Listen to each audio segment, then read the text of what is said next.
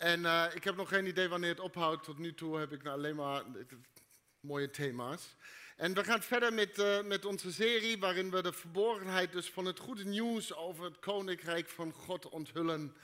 Um, en we willen het gebroken koninkrijk waar velen in het leven ontmaskeren.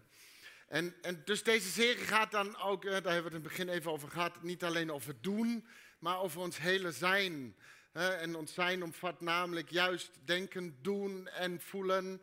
En, en het weglaten van een van deze elementen resulteert vaak in een incompleet en een gebroken koninkrijk. Dus door te geloven dat het koninkrijk van God ons hele wezen doordringt, zal de volmaaktheid van het koninkrijk van God zich manifesteren. Eén, in ons denken, dus vernieuwd bewegen in ons kennen van Jezus.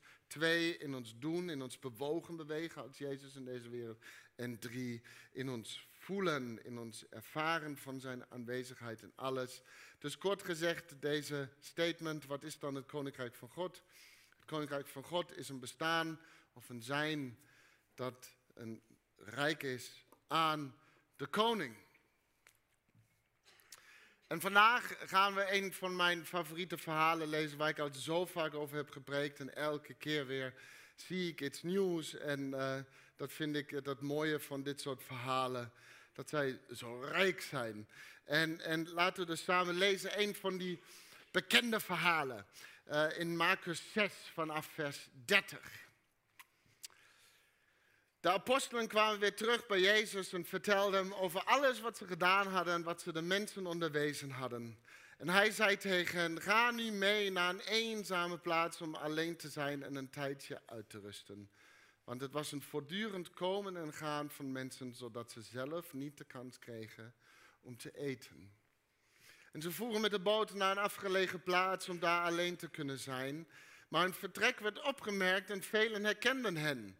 Uit alle steden haasten de mensen zich over land naar die plaats en ze kwamen er nog eerder aan dan Jezus en de apostelen. En toen hij uit de boot stapte, zag hij een grote menigte en voelde medelijden met hen, want ze waren als schapen zonder herder. En hij onderwees hen langdurig.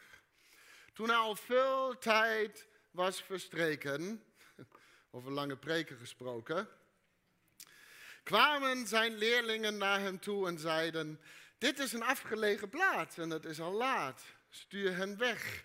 Dan kunnen ze naar de dorpen en gehuchten in de omtrek gaan om eten voor zichzelf te kopen. Maar hij zei, geef jullie hen maar te eten.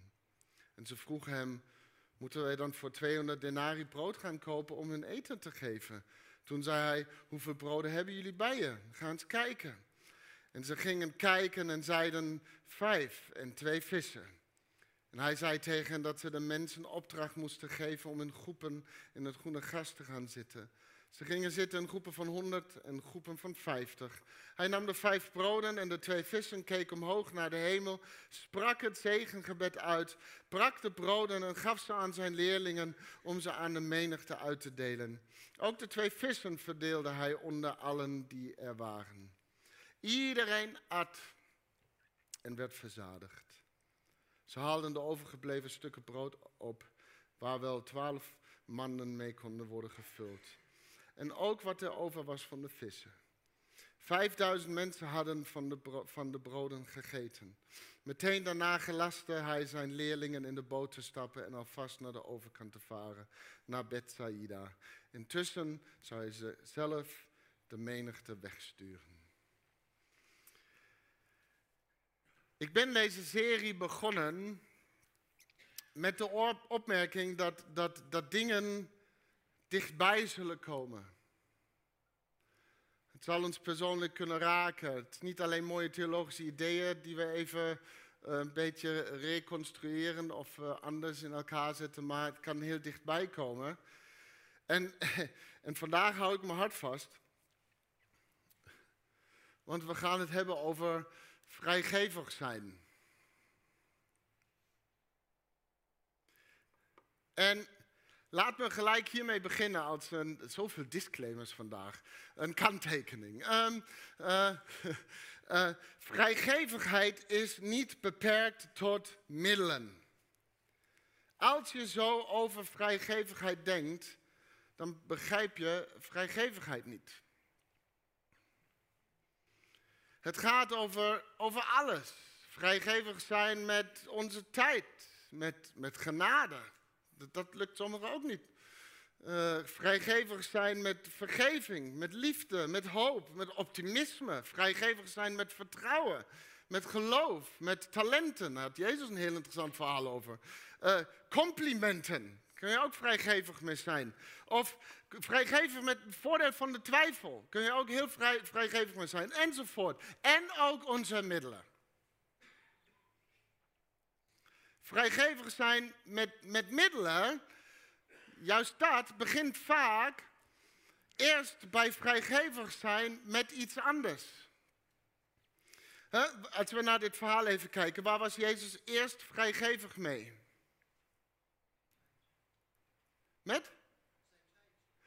Dat was de tweede, met barmhartigheid. hij, was, hij zag hen en had medelijden met hen. Jezus was vrijgevig met zijn uh, barmhartigheid. Um, en weet je, als de nood van mensen je niet raakt, dan is het tijd om even wat tijd met Jezus door te brengen. Het zou niet oké moeten zijn om langs iemand te lopen uh, die lijdt en, en dat doet niks met jou.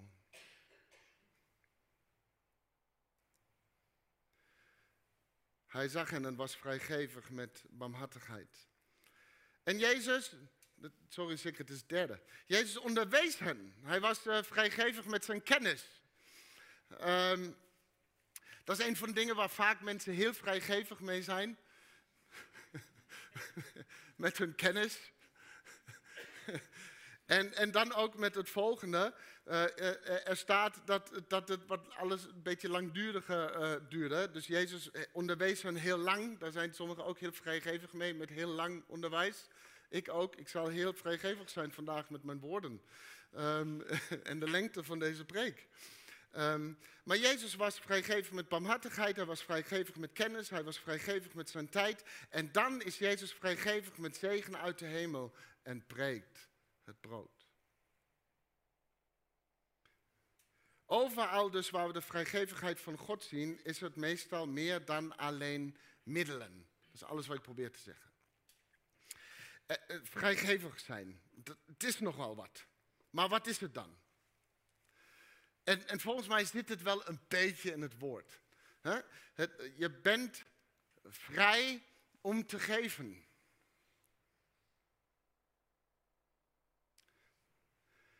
Er is een volledige vrijheid om te delen.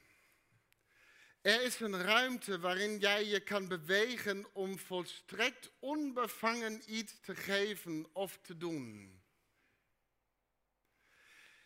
En, en misschien denk je nu, of denk je het al uh, uh, een hele tijd, sinds ik deze preek ben begonnen, zie je wel, begroting niet gehaald, tekort, krijgen we weer verteld dat we, dat we meer hadden moeten doen en geven, was, was niet genoeg. En, en feitelijk was het niet genoeg. Maar het gaat nu niet zo om de feiten, het gaat om hoe het voelt.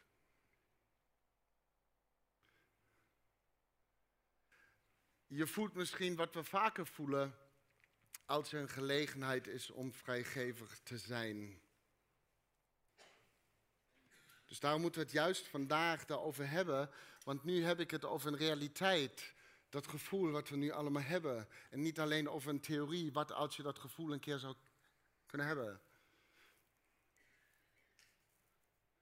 Want dat gevoel is namelijk ergens iets dat de meesten zich namelijk meestal niet zo vrij voelen om te geven.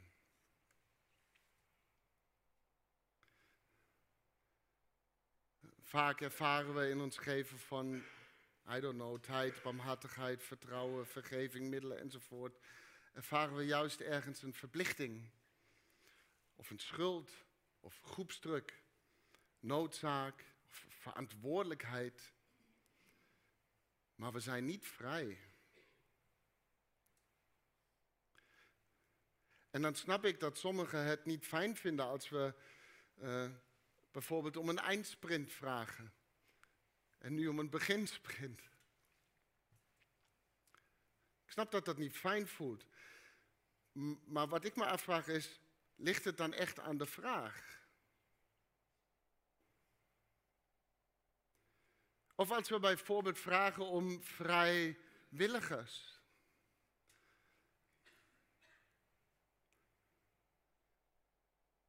En dan weer dat gevoel van, oh nu moet ik iets. Het was niet goed genoeg. Dus niet echt heel vrijwillig. Hè? Maar is dan de vraag het probleem of wat het misschien triggert? En, dan, en ik weet, zo zijn wij gewoon, eh, we willen snelle oplossingen voor een vervelend gevoel. En de snelste oplossing, en die hebben we ook van, van jullie een paar keer gehoord, is als je gewoon de vraag niet meer stelt. Want dan hoef ik mij niet meer zo te voelen. Maar dat heet dan niet oplossen, dat, dat heet vermijden. Je kunt alleen problemen oplossen op de plekken waar je uitgedaagd, waar je getriggerd wordt. En, en dat vraagt ergens zelfreflectie en de strijd hier binnenvoeren. Voordat ik hem outsource naar de vraagsteller. En dus gaat vrijgevigheid ook over ons zijn. Vrijgevigheid is dus ergens een identiteitsding. Um, wie jij bent. En triggert het al iets? Hè? Niet zo vrij, ik voel me al niet vrij om hierover te praten, moet ik heel eerlijk zeggen. Maar weet je, dat de reden dat vrijgevigheid dus zo'n raar iets is geworden dat veel oproept, is omdat we het deels los hebben gemaakt van onze identiteit in Christus en hebben verbonden met allerlei andere dingen. En dat is een gebroken koninkrijk dat we moeten ontmaskeren.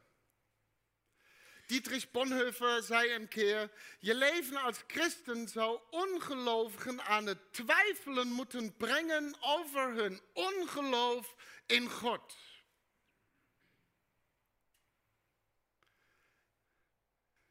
Maar de werkelijkheid is dat het geloven van gangbare verhalen in deze wereld vele gelovigen aan het twijfelen brengt over hun geloof in God.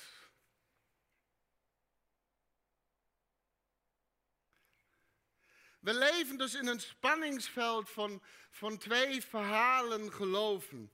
En de theoloog Walter Bruggeman, of zoals we hier zeggen Bruggeman, uh, legt dit spanningsveld heel goed uit.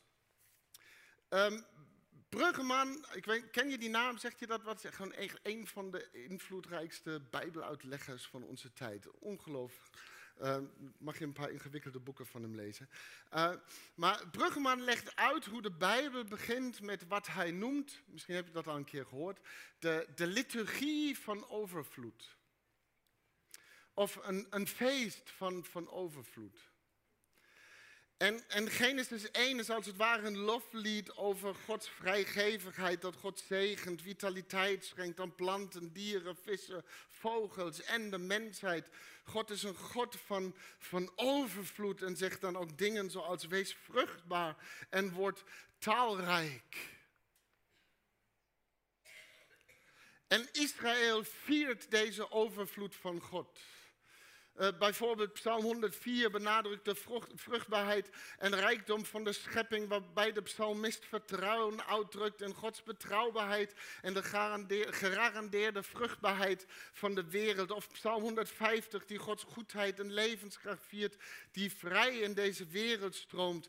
In, in Genesis 1 wordt dus vrijgevigheid bevestigd en schaarste verworpen. Psalm 104 viert de veerkracht van de schepping en wijst angst af.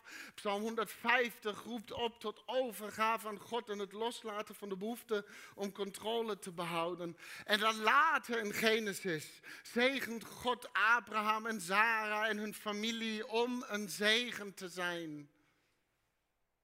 Dus, en, en die zegen is vervolgens een actieve kracht van welzijn in de wereld. Dus dit bewustzijn domineert Genesis tot, tot hoofdstuk 47. En, en in dat hoofdstuk zien we Farao die van een hongersnood droomt. Bekende droom.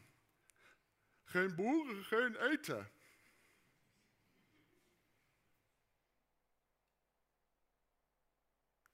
Dus Farao organiseert zich om de voedselvoorziening te beheersen. Hij wil het monopolie hebben. En dus Farao introduceert hier het verhaal, of eh, zoals Bruggeman het dus noemt, de mythe van schaarste. En dit is de korte versie. Als je het hele paper wil lezen van hem, mag je die code daar scannen en dan denk je van, hoef niet naar Dennis te luisteren, dan lees ik gewoon zijn verhaal. Als je Engels kunt lezen. Dus, um, maar Farah introduceert hier dus het verhaal van schaarste in de wereldeconomie. Voor het eerst in de Bijbel zegt iemand, er is niet genoeg. Laten we dus alles pakken. Werkt het, Bram? Nee? Jawel? Heb je hem? Gaat ook het artikel open of niet een of een andere website die ik oh, per ongeluk erachter...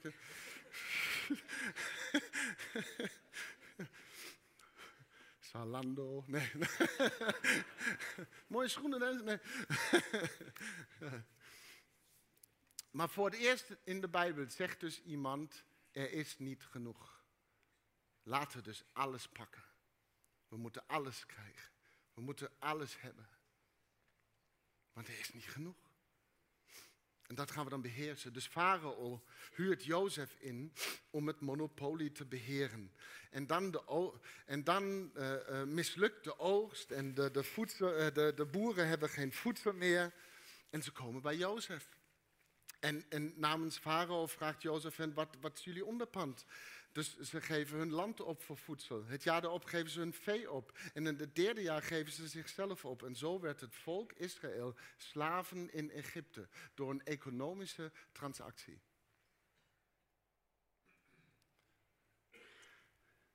Het idee van schaarste werd geïntroduceerd in het Bijbelse geloof.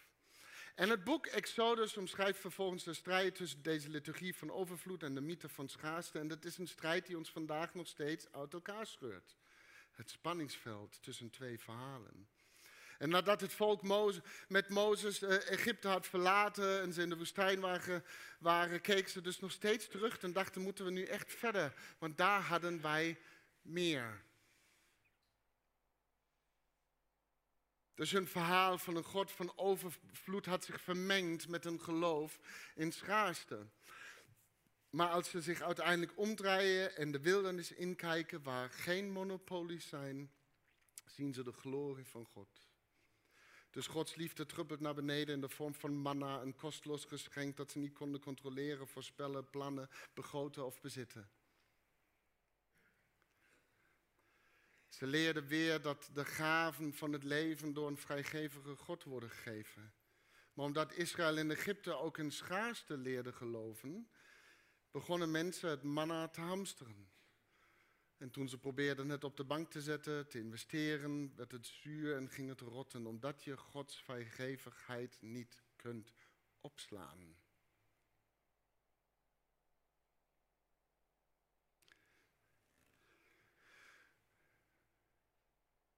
Bruggeman stelt dus dat ons kernprobleem is dat we verscheurd worden tussen de aantrekkingskracht van het goede nieuws van Gods overvloed en de kracht van ons geloof in het verhaal van schaarste. Dus hoe heeft zich dit verhaal van Gods overvloed dan vermengd met het verhaal van deze wereld? Heel simpel, wij geloven wat Farao zei. We geloven in schaarste. We geloven wat een machtig imperium zegt. Er is niet genoeg.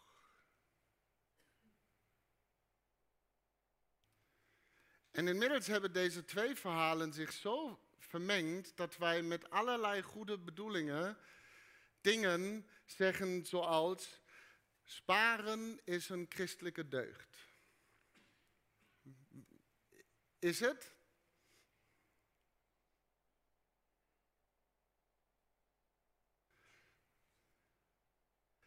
Sparen is tot. Ja, het is geen financieel advies, dus dit verhaal krijg ik niet van. Sparen is ergens zinvol, maar het is geen christelijke deugd.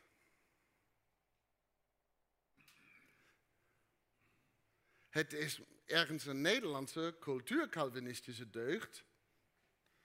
Het is de angst voor niet genoeg tot christelijke deugd gemaakt.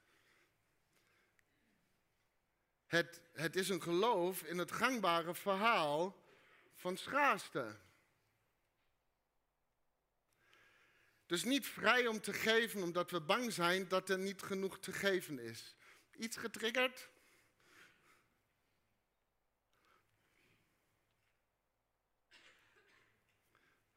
En, en dan zien we dus de discipelen hongerig bij Jezus komen. Na, na een harde dag werken, zelf nog niets gegeten. Ze hebben zelf iets nodig. En met deze behoefte stappen zij, zonder dat ze doorhebben, op dat moment in de economie van het koninkrijk van God. Dat goed nieuws is. En luister goed, dus de behoefte is de ingang. De behoefte is de ingang.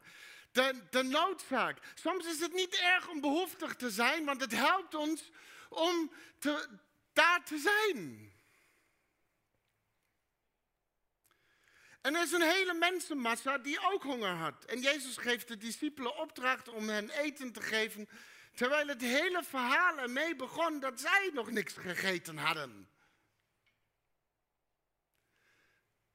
En het lijkt alsof hun geloof in schaarste dus het verhaal domineert. En, en zij zeggen, we hebben niet eens genoeg voor onszelf. Hoe moeten we hen dan te eten geven? Maar voor Jezus was het geen raar iets om te vragen, want hij leefde volledig vanuit de economie van het koninkrijk van God. En ik weet, het triggert gewoon van alles en nog wat. Daarom die preek vandaag. En dit diepe besef dus van Jezus, van de economie, van overvloed, veranderde overal de werkelijkheid waar Jezus kwam. En werd de wereld gewoon herschikt. Blinden konden weer zien, lammen konden lopen, melaatsen werden gereinigd, doven hoorden weer, doden werden opgewekt en armen werden van hun schulden verlost. En Bruggeman zegt, het schulden verlossen is moeilijker dan doden opwekken.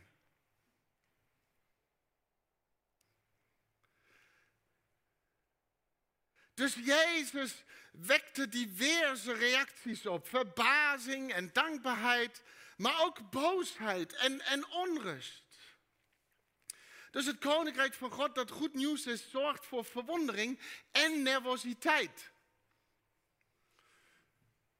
Je voelt hem waarschijnlijk al. Velen ervaren een innerlijke strijd, dit ambivalente gevoel tussen verlangen naar Gods nieuwe schepping en deze angst ervoor.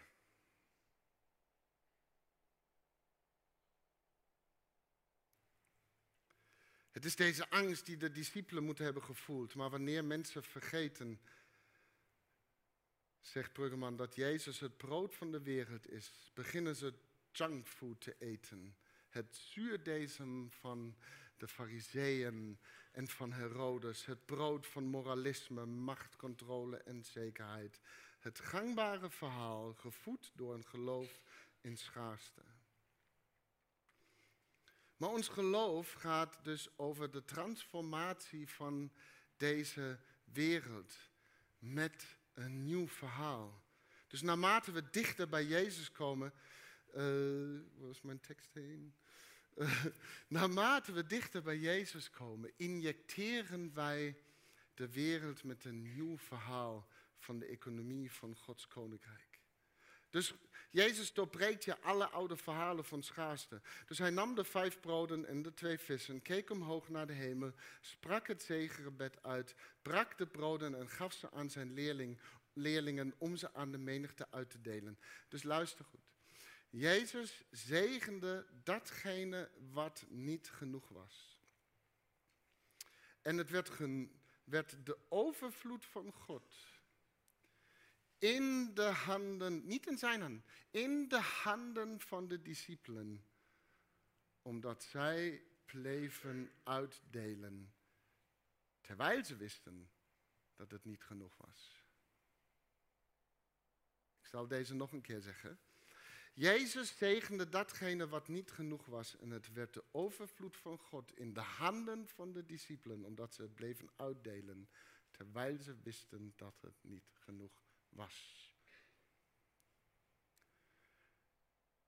Denk bijvoorbeeld aan een er omgeven collecte.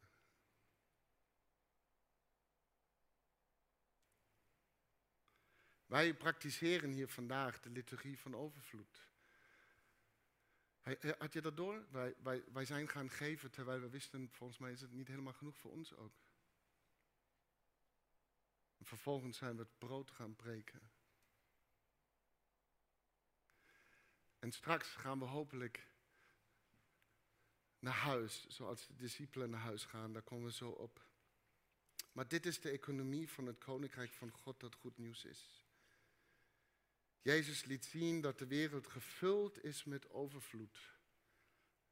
En Bruggeman heeft het veel meer over wereldeconomieën en dit soort dingen. dat er landen zijn die dus eigenlijk vanuit hun geloof en schaarste de, de resources van de wereld hamsteren.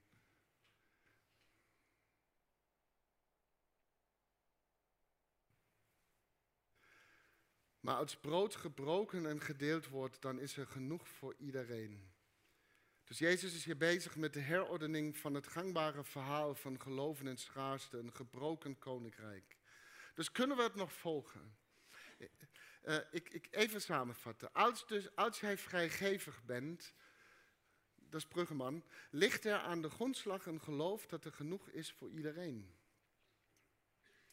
De, de economie van het koninkrijk van God. Als je krampachtig zuinig bent, dan ligt er aan de grondslag een geloof dat er niet genoeg zal zijn. Een gebroken koninkrijk. Nu iets getriggerd?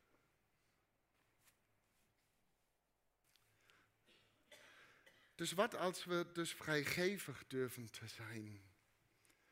En dan vrijgevig in alles omdat we geloven in de economie van het Koninkrijk van God dat goed nieuws is. Vrijgevig met onze vriendelijkheid, met onze naastenliefde, met onze goedheid, met onze genade, met onze geduld, met ons geloof, met onze hoop, onze liefde enzovoort. Het zijn allemaal dingen, grotendeels, die Paulus, wat noemt Paulus deze dingen? De vrucht van de geest. De vrucht van de geest. Want wees vruchtbaar en talrijk. Dus meer van dit koninkrijk, meer van de mensen die dit koninkrijk onthullen. Vruchtbaar, vrijgevig met al deze dingen. En in Lucas 12, vers 22 zegt Jezus dan dingen als... Uh, uh, maak je geen zorgen over het leven, over wat je zult eten en drinken, nog over je lichaam, over wat je zult aantrekken. Want het leven is meer dan voedsel. En ik weet, als we die dingen horen, we vinden het zo rete ingewikkeld. Want we willen het met die bril van te lezen, maar het lukt niet. En dat is de strijd van binnen. En alsjeblieft, voer hem daar. Voer hem daar. Want het leven is meer dan voedsel en het lichaam meer dan kleding. De volken van deze wereld, zegt Jezus, jagen die dingen na. De monopolies van deze wereld jagen deze dingen na. Maar jullie vader weet dat je ze gewoon nodig hebt. Dus zoek liever zijn koninkrijk. En die andere dingen zullen je erbij gegeven worden.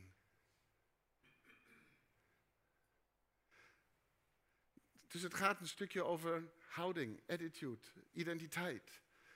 wij, wij, wij hebben deze dingen nodig, dus we zoeken ze op Zalando en we zoeken ze bij de supermarkt en, we zoeken ze daar en we zoeken ze en Maar Jezus zegt, zoek, zoek dit koninkrijk. Maar je krijgt dat. Je, je zoekt het koninkrijk, maar je, maar je krijgt dit.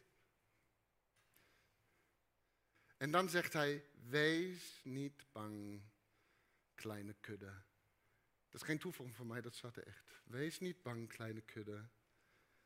Want jullie vader heeft jullie in zijn goedheid het koninkrijk geschonken. Je kunt het koninkrijk van God gewoon niet verdienen of opslaan. Het is geschonken van een vrijgevige God in zijn goedheid. Het deed hem goed. Het is geschonken. Je kunt het dus alleen onthullen en uitdelen door vrijgevig te zijn. En weet je, de reden dat we soms ophouden onze gaven te gebruiken of uit te delen is omdat we denken dat het voor ons is. De, de reden dat we ophouden onze gaven te gebruiken als we boos zijn is omdat we denken dat het van ons is. De reden dat we onze gaven alleen inzetten voor mensen die we leuk vinden, is omdat we denken dat het van ons is. Maar God zegt, uh, dit is voor mij, voor jou en nu van jou voor hen. Gegeven om te geven. En hier is dus het mooie. Als ik kan leven vanuit het, het is niet van mij, dan kan ik het ook weer vrijgevig, vrij dus, ongehinderd, een onbevangen delen met een ander. Het komt van een God van overvloed. En dit is het leven dus in de economie van het koninkrijk van God dat goed nieuws is. Dit, lieve mensen, is dus de ruimte waarin we weer vrij zijn om te geven. Als je je realiseert dat het niet van jou is, dan is het namelijk geen weggeven meer, maar een doorgeven. Je raakt niks kwijt, je deelt alleen. En de cliché zegt, delen is vermenigvuldigen. Dus wees vruchtbaar en word talrijk. En vrijgevigheid, laat me daarmee even eh, uitgebreid afsluiten. Vrijgevigheid is heilzaam. Ik hoop dat je dat zo mag ervaren. Ik, sommigen van jullie hebben dit nodig, vandaar deze sectie. Verschillende wetenschappelijke onderzoeken um, hebben aangetoond dat als je een leven van vrijgevigheid leeft, je bloeddruk lager is. Uh, je stresslevel daalt, je minder depressieve gedachten hebt, je langer leven, zal leven en gelukkiger zijn. Dus je zoekt dit koninkrijk van vrijgevigheid, maar je krijgt dit. Gewoon erbij. Uh, de wetenschap vertelt ons ook dat vrijgevigheid een biologische en zelfs een evolutionaire factor heeft. Vrijgevig zijn is dus hoe wij zijn gemaakt. Ding, ding, ding, ding, ding. Door wie? Yes! Een vrijgevige God van overvloed. De wetenschap vertelt ons allemaal dingen die we al lang weten sinds Genesis 1. En waarom? Uh, uh, waarom is het, zit het ingebakken? Er zijn verschillende species, uh, verschillende soorten dieren en ook de mensheid die dus hebben geleerd om vrijgevig te zijn om een voortbestaan te garanderen.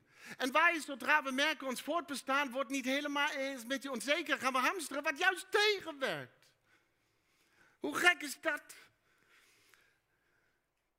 Maar we zijn zo gemaakt om vrijgevig te zijn. Geen wonder dat we altijd zo zaggerijnig zijn als we het weer hebben over hoe we het beste nu ons geloof en schaarste kunnen toepassen.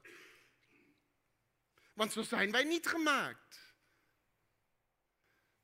En studies tonen ook aan dat door vrijgevig te zijn iets in onze hersenen gebeurt. Er is opeens meer interactie in de delen die sociale informatie verwerken. We worden dus door vrijgevig te zijn alleen maar relationeler. Het is alsof alles. Ja.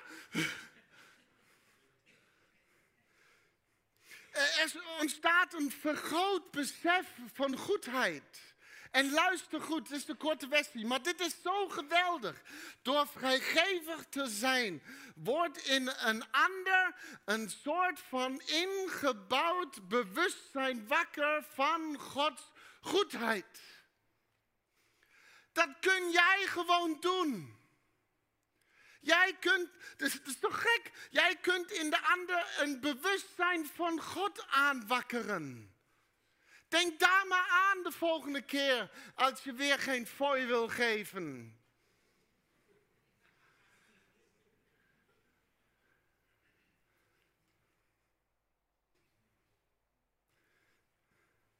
Verder bewijs voor de goddelijke wortels van menselijke vrijgevigheid komt uit onderzoeken. En ik zie het bij mijn zoontje, waarin werd aangetoond dat jonge kinderen en peuters een aangeboren drang lijken te hebben om samen te werken en anderen te helpen.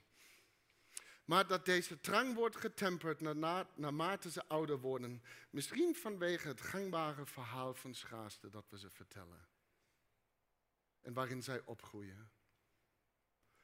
Maar dan zegt ding, Jezus dus dingen zoals laten kinderen bij mij komen. Hou ze niet tegen, want het koninkrijk van God is voor hen die zijn zoals zij. Vrijgevig zijn, het is de koninkrijkswaarde. En het zal moeilijk zijn, want we zijn gevormd door het verhaal van schaarste. En des te meer verlang ik ernaar om die God en zijn liturgie van overvloed steeds meer te leren kennen, steeds dichter bij Jezus. Een, een zijn in denken, doen en voelen dat rijk is aan de koning. Dus iedereen at en werd verzadigd. Ze haalden de overgebleven stukken brood op, waar wel twaalf manden mee konden worden gevuld. En ook wat er over was van de vissen. Vijfduizend mensen hadden van de brood gegeten. Meteen daarna gelastte hij zijn leerlingen in de boot te stappen en alvast naar de overkant te varen. Intussen zou hij zelf de menigte wegsturen. Weet je, misschien ben je bang dat het niet genoeg zal zijn. Misschien leef je vanuit het geloof in schaarste. Misschien is je angst dat het niet toereikend zal zijn wat je te bieden hebt en vrees je dat je met lege handen achterblijft. Misschien denk je, ik kan niet genadig zijn voor iedereen, want ik heb niet eens genoeg genade voor mij.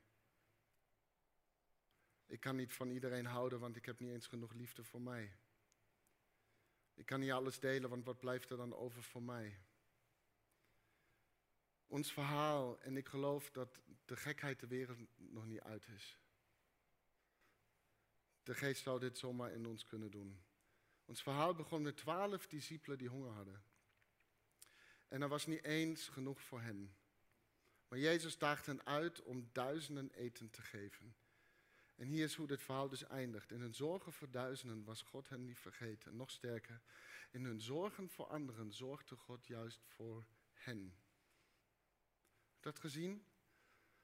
Want op het moment dat Jezus hen in de boot zette om naar de overkant te varen, zat elke discipel in de boot met een mand vol eten op zijn schoot.